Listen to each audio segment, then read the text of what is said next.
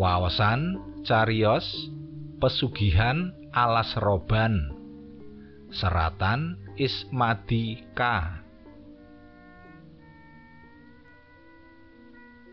Jalaran jibek mikirake urip rekoso, harda nuli golek cara supaya bisa sugih. Wong lanang udakara umur patang puluh taun mau banjur lunga menyang alas roban tanpa nggawa sangu babar pisan jalaran saking melarate.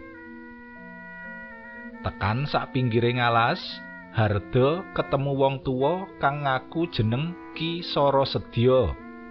Harda nuli nepungake lan ngandharake ancas kekarepane dene kroyo-royo menyang alas roban.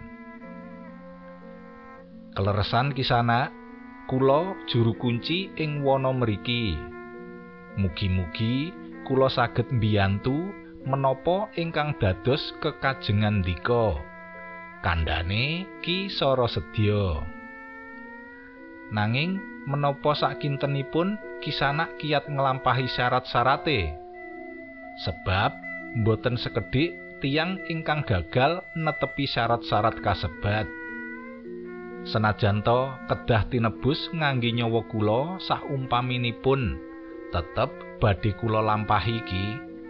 Wangsulani hardo adreng.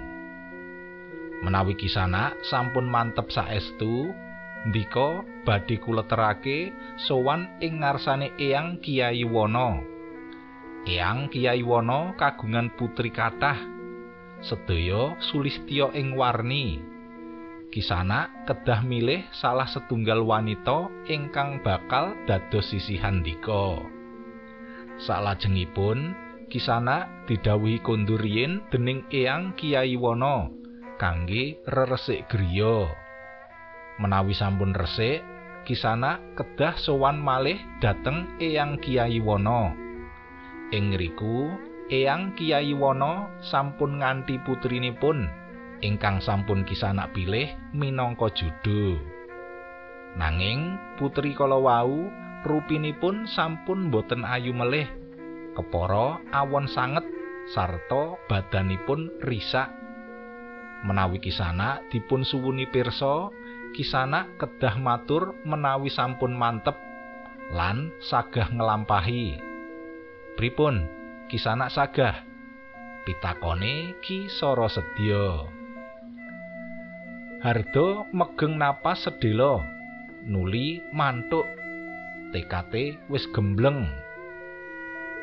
Menawi mekaten monggo kita bidal sak menika ugi. Mumpung wancinipun kaleresae pangajake Ki Sara Sedya Ki Sara Sedya banjur melaku karo nggawa anglo kang diobong-obongi menyan. Dene Hardo ngetutake ing sakmburine. Sakwise rada sauntara, lakune tekan tengahe alas roban. Kisara sedya banjur mandek ing ngisor wit asem kang dhuwur lan uwohe mbiyet. Kukusing menyan nuli dikebul-kebulake ing pernahe wit asem nganti sauntara wektu. Dumadaan kaya mlebu ing alam gaib katon wujute omah cakrik tajuk bukaan kang jogane ginelaran kloso alus bawera. Ing dhuwur kloso katon ana priyayi sepuh kang lenggah sila. Priyayi sepuh iku nganggo busana sarwa putih. Kisara sedya banjur lungguh sila ing sakngarepe priyayi sepuh sing uga sinebut Kiai Wono. Dene Hardo lungguh ing sakmburine Kisara Sedya. Kepara adoh sethithik. Para miyarsa, kados pundi cariyos candhaipun? Sumangga kula aturi pinarak wonten channel YouTube Radio Siaran Jawi. Matur nuwun.